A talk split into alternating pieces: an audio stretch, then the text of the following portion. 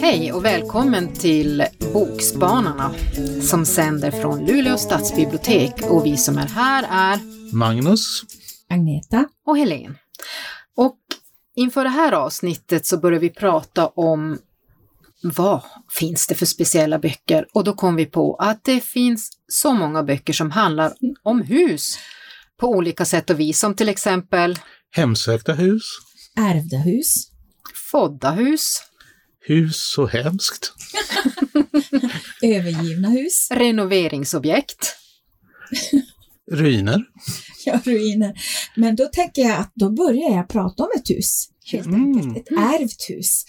Eh, det är Lisa Jewell som har skrivit en fantastisk sträckläsningsbok som heter Familjen Lambs hemlighet. Och näst efter hennes bok The Truth About Melody Brown, som tyvärr inte är översatt, så tror jag faktiskt att Familjen Lambs hemlighet är hennes bästa hittills. Och den här boken, den innehåller det mesta.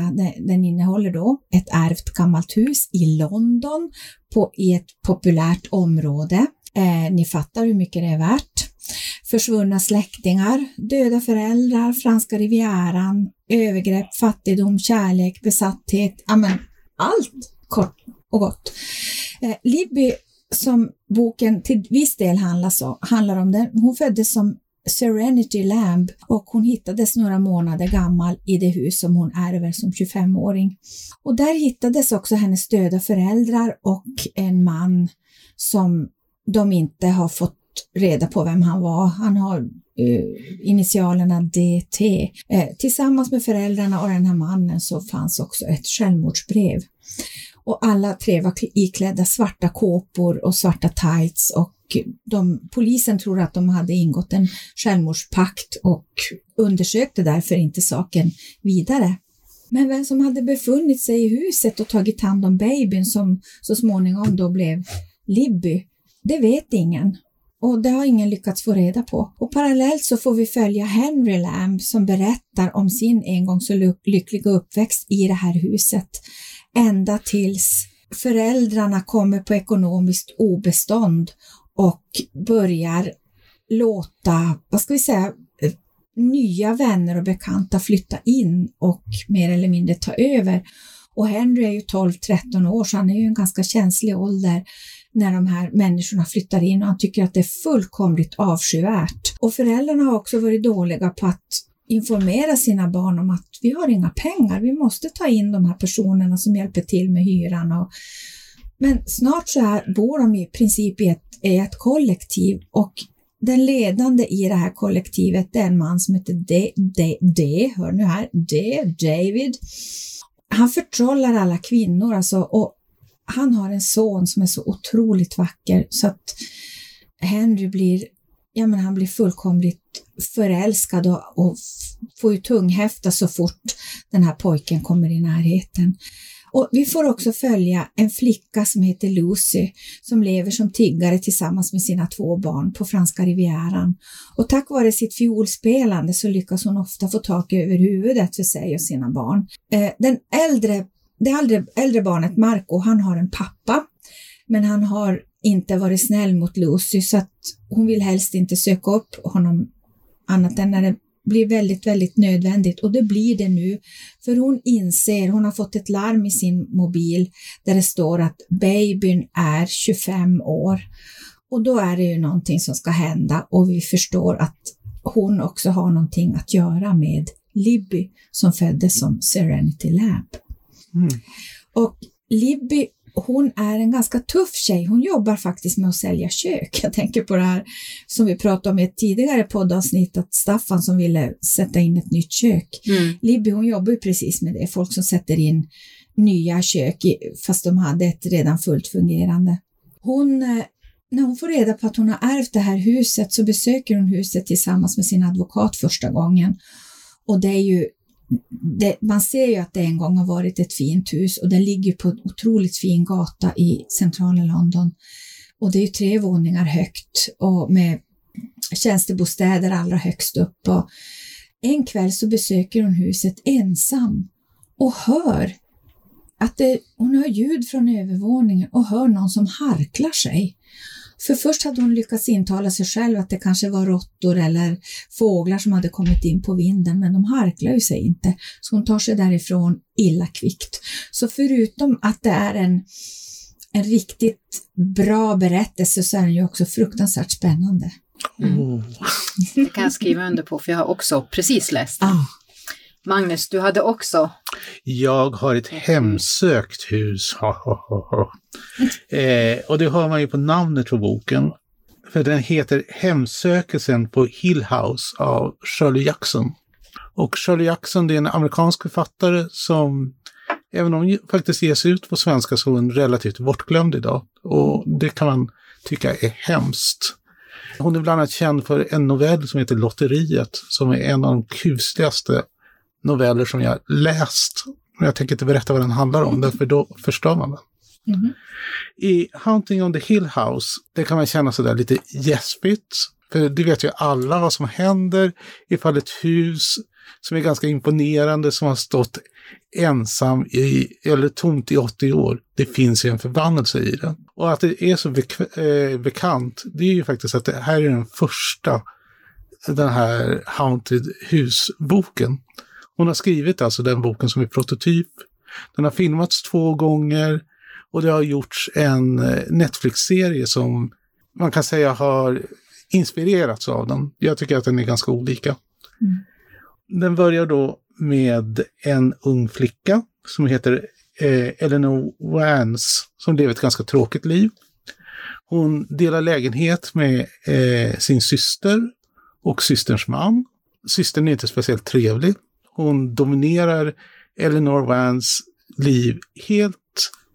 Eleanor har en bil, men det är systern och mannen som använder den. Eh, en dag får hon reda på att de ska göra en eh, vetenskaplig undersökning av eh, Hill House. Det är en forskare som ska ta, ta dit några forska, forskarassistenter och så ska de se om det verkligen spökar där. Det tänker Eleanor att det här ska jag vara med om. För en gångs skull så ska jag göra något som är till för mig och som min syster inte tycker om. Eller systern tycker ju inte om något, men trots att sys- systern inte tycker om det så tänker Eleanor göra det. Så hon stjäl sin egen bil, kör igenom något sånt där väldigt märkligt förvridet expressionistiskt eh, landskap. Det är som att liksom, huset har sugit energin ur allting. Allt är deformerat och fult. Och när hon kommer fram till det här huset och träffar liksom de andra forskarassistenterna så tänker hon, här är mitt liv. Här är någon jag kan bli kär i. Den här kvinnan kan bli min bästa väninna. Tror ni det kommer sluta så? Nej. det är mycket slående dörrar, gömma sig under täcket, fly ut i natten. Och det slutar absolut inte lyckligt. Oh. Oh. Ja, men då kommer jag sist då, för jag ska ju bara berätta om en liten sommarstuga. Ja. Jag har ju inga hus att berätta om. eh, och boken som jag vill rekommendera det är Marie Auberts Vuxna människor. Och den utspelar sig i en sommarstuga. Och det är ju en hel del böcker som gör också. Den här sommarstugan eh, har eh, syskonen Ida och Marte fått överta. Tillsammans ska de få ha den. Och den här gången så ska deras mamma fira sin 65-årsdag där. Och även pappan är med. Och Ida hon är arkitekt, ensamstående men känner sin biologiska klocka så hon har funderat på att frysa ner sina ägg eftersom hon ännu inte har någon sambo. Och Marte, den yngre systern, hon har hittat en man och hon har en bonusdotter och när Ida kommer till stugan så ser hon direkt, jaha, de har målat om, men de har inte frågat mig. "Ah, Jaha, nya kuddar är det där. Hm, ja. De här syskonen kanske inte riktigt har någonting som kallas syskonkärlek. Förmodligen har de det i grunden, men det är mycket syskonrivalitet och de kräver båda bekräftelse och uppmärksamhet. Och Ida hon känner, jaha, nu får jag bo i det minsta rummet för att jag är singel. Och det är bara Marte som räknas för hon är ju så lyckad, hon har ju en familj. Det har ju inte jag. Och så droppar Marte sin överraskning som hon har till sin mamma så Ida mår ännu sämre. Tänker inte berätta vad det är.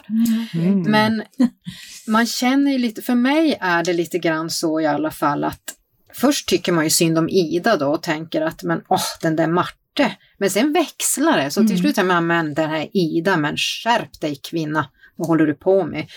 Och det är liksom, det är någonting det här med att man är i detta lilla hus när då föräldrarna också kommer. Det blir liksom påfrestningar, det blir slitningar, det är mycket som kommer upp till ytan. Så att det blir inte den där ljuva sommaren som mamman hela tiden säger, men kan vi inte skärpa oss, vi skulle ju ha så trevligt, kan vi inte ta det där sen? Så att vill man ha ett riktigt familjedrama, inte kanske i Norén-klassen, men inte så långt därifrån, då tycker jag man ska läsa Vuxna människor av Marie Aubert. Ja, och det, jag fattar inte, den var ju så tunn och ändå så fick Mm. hon in så otroligt mycket. Fantastiskt. Det, det finns ju så mycket att prata om i den boken också, men just det här att Ida också eh, är så glad, eller skadeglad nästan, över Mm. att Kristoffer, Martes kille, eh, hen- hans dotter Olea, tyr ju sig Mm. mer till Ida än till Marte, för att det är som att Marte försöker för mycket på något sätt. De blir som småbarn igen Mm. kan man säga. Det är hela tiden inre stri eller stridigheter mellan varann. Och jag måste säga att jag kan många gånger tycka att de här författarna som skriver så tunna böcker men ändå får in så oerhört mycket, mycket känslor, det är riktiga författare. Alltså, Absolut. för det finns ju författare som, som jag tycker är väldigt bra berättare, som till exempel Joyce Carol Oates, Mm. men hon har ju så gigantiskt tjocka böcker så att jag i alla fall känner att ibland kan det bli sådana transportsträckor. Mm. Så att historien nästan kommer bort lite grann. Ja. Och det är lite synd, men det är skönt ibland att läsa en sån här tunn bok. Det enda är väl att man blir så ledsen när den tar slut så fort, om den är riktigt bra. Ja. En ännu tunnare berättelse som faktiskt handlar om hu- hus, det är Filip Jonkan som var eh, rädd för katastrofer av Tove Jansson. Och det är en novell som är hämtad från Det osynliga barnet. Och det handlar då om Filip Jonkan som har hyrt sitt sommarhus därför att hon har fått för sig att hennes mormor hyrde det en gång. Och då kände hon att hon måste göra det. Och det visade sig att mor- modern inte alls hade gjort det utan det var ett annat hus. Oj. Så Filip Jonkan är fast i detta hus som har för stora fönster, som ligger på en karg och otäck kust. Och hon trivs inte alls. Och så kommer Gafsan dit, som hon har en sån där litet stickig fikastund med.